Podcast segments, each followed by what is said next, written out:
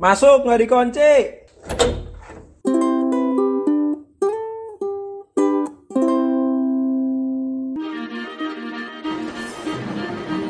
なんか気重い。父親ったって15年も会ってないし。優しくてダメな人だったのよ。女の人に同情してすぐどうにかなっちゃうなんて。で、なんか娘がいるんだって。私浅野すずです鎌倉に来ない？一緒に暮らさない ?4 人で。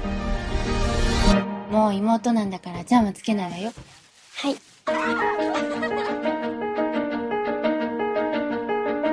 子供を育てるって大変よ。あんたたちの家庭を壊した人の娘さんなんだからね。もう少しマシな人を見つけてください。女房とは別れる父さんと一緒じゃん。これでまた嫁に行くのが遅れるわ。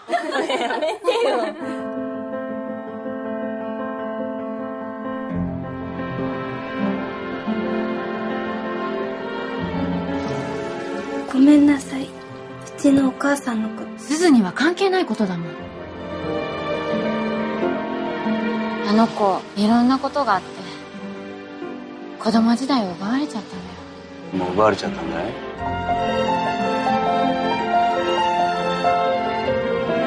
とそう思ってた私がいるだけで傷ついている人がいるすずはここにいていいんだよ。ずっと。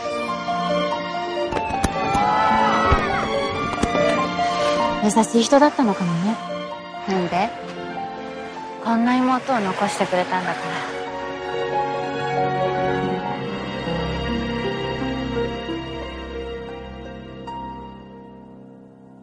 Assalamualaikum warahmatullahi wabarakatuh. Selamat datang di podcast Kamar I101 bersama Galis Badi. Hari ini masih membahas film lagi, film lagi dari Jepang masih masih dari Jepang.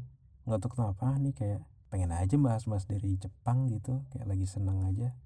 Sampai akhir-akhir nih lagi belajar nulis-nulis eh hiragana gitu biar lancar nggak tahu kenapa kayak pengen ke Jepang gitu. Amin amin amin amin amin. Ham, begitu kita bahas film yang satu ini, film di episode 90 yaitu Our Little Sister. Ini mendapatkan 7,5 dari 10 di IMDb. Wow, cukup bagus juga.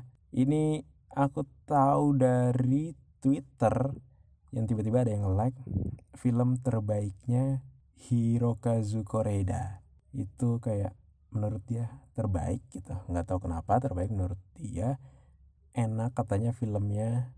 Slow nggak buru-buru buat yang suka drama. Ini keren katanya gitu.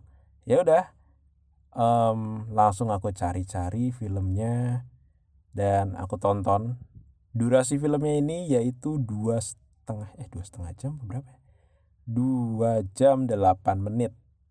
Begitu. Kalau dari Rotten Tomatoes dapat poin 94 persen langsung ya masuk ke sinopsis dari Our Little Sister. Yap, langsung saya di sinopsisnya ini ngambil dari Google ya. Em, film yang gue tonton .wordpress.com. Our Little Sister.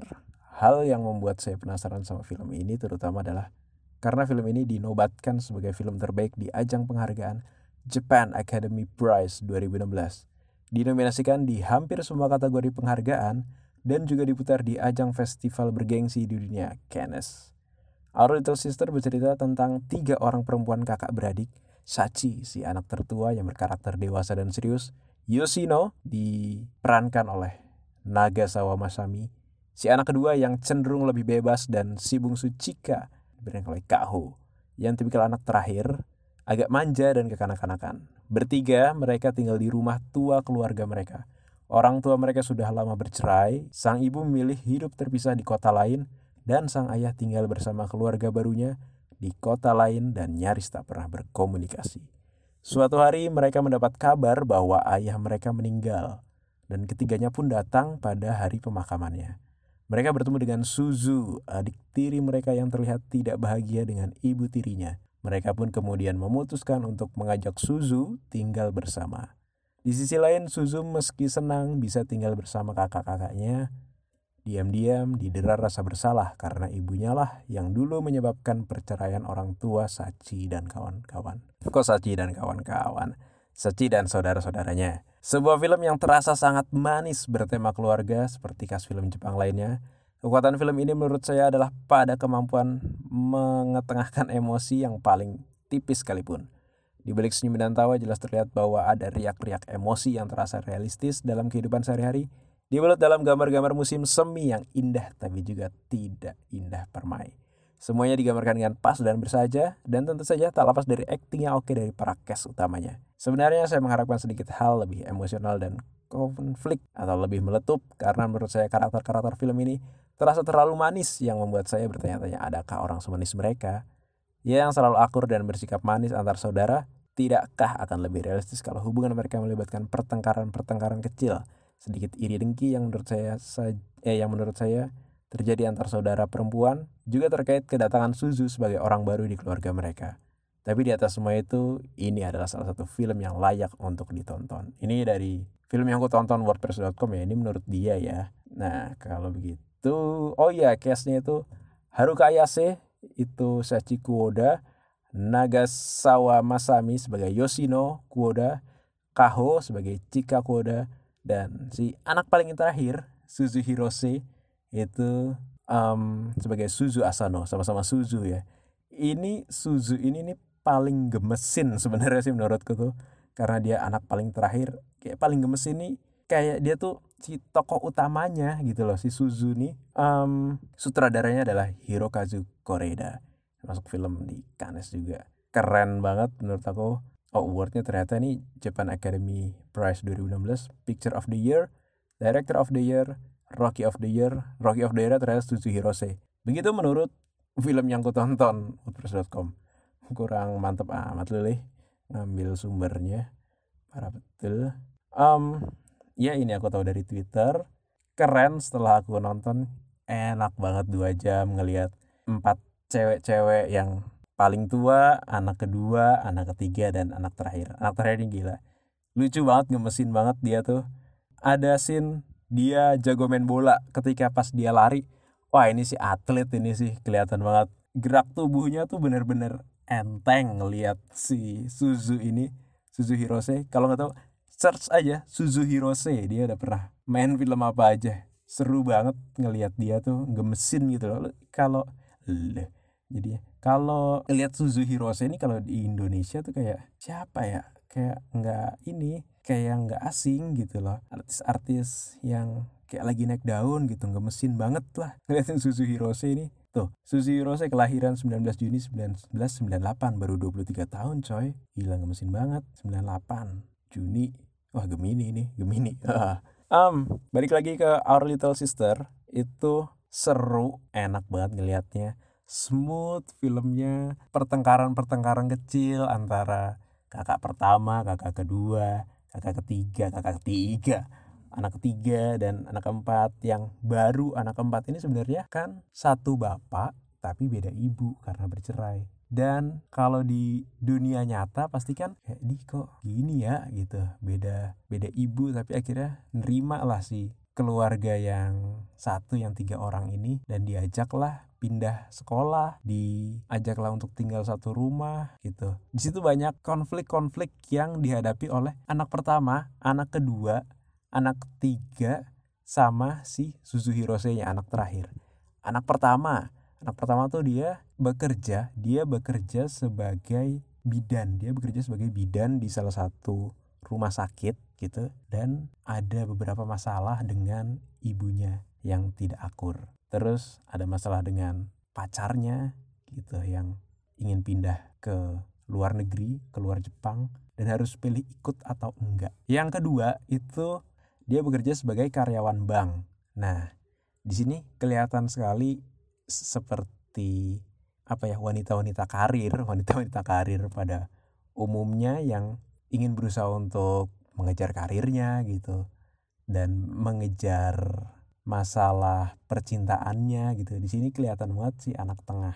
Ya kadang-kadang selalu berselisih pendapat dengan kakak pertama dan kakak kedua ini selalu otoriter terhadap anak eh terhadap si adiknya. Ada salah satu scene yang si anak kedua nih minta eh anak pertama jadi ada telepon terus si kakak pertamanya nih bilang itu jawab tuh teleponnya gitu terus malah si nomor dua nih malah nyuruh adiknya lagi yang ketiga. Sana angkat gitu. Malah nyuruh lagi. Lah gimana sih? Malah nyuruh orang anda yang disuruh angkat telepon malah anda yang nyuruh orang lain. Gitu terus akhirnya ya udah ngambil si yang nomor tiga ini gitu. Dan yang nomor tiga ini bekerja sebagai penjaga toko olahraga gitu. Kayak sebagai SPG gitu deh. Sama temennya gitu ya. Gebetannya lah temen cowoknya gitu. Di situ dan rada-rada aneh juga sih ini emang yang nomor tiga nih. Dia suka kebebasan dia suka mancing dia suka mancing ternyata. Cewek gitu cewek suka mancing aneh juga. Um, yang keempat yaitu Suzu Hirose. Dia masih anak SM 14 tahun. Di sini tuh ceritanya 14 tahun.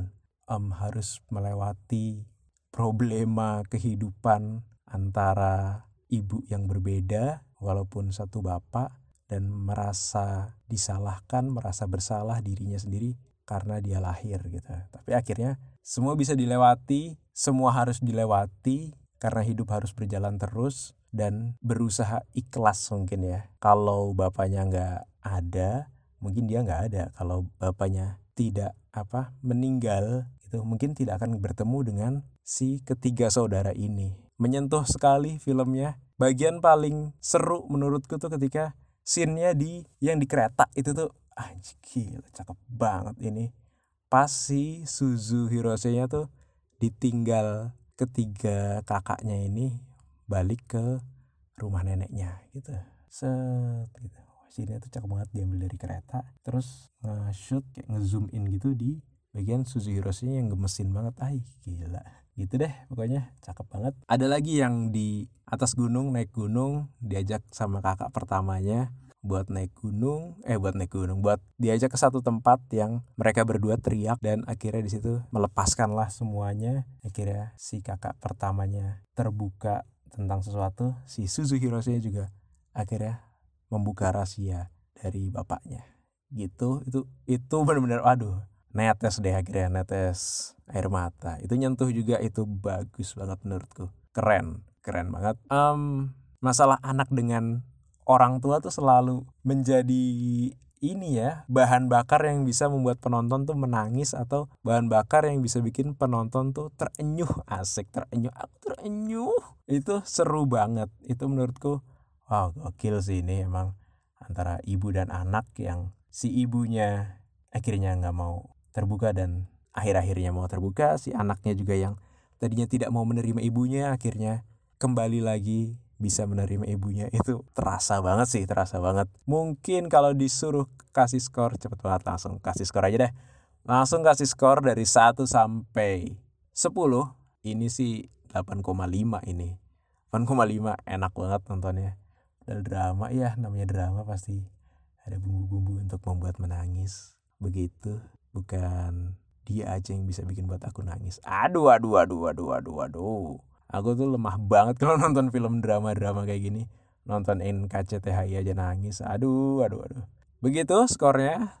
Skor dari Our Little Sister. Dari kamar I 101 dari Kaliseto Abadi. Di angka 8,5 mungkin next bahas film lagi atau enggak tinggal dicek aja di kamar I101 bisa di follow juga atau bisa langsung di DM di Galisa atau Abadi eh mau Galisa di mau Galisa di Instagram. Bisa langsung aja. Terima kasih sudah mendengarkan. Sampai bertemu di episode-episode selanjutnya. Sampai bertemu di episode episode selanjutnya. Wassalamualaikum warahmatullahi wabarakatuh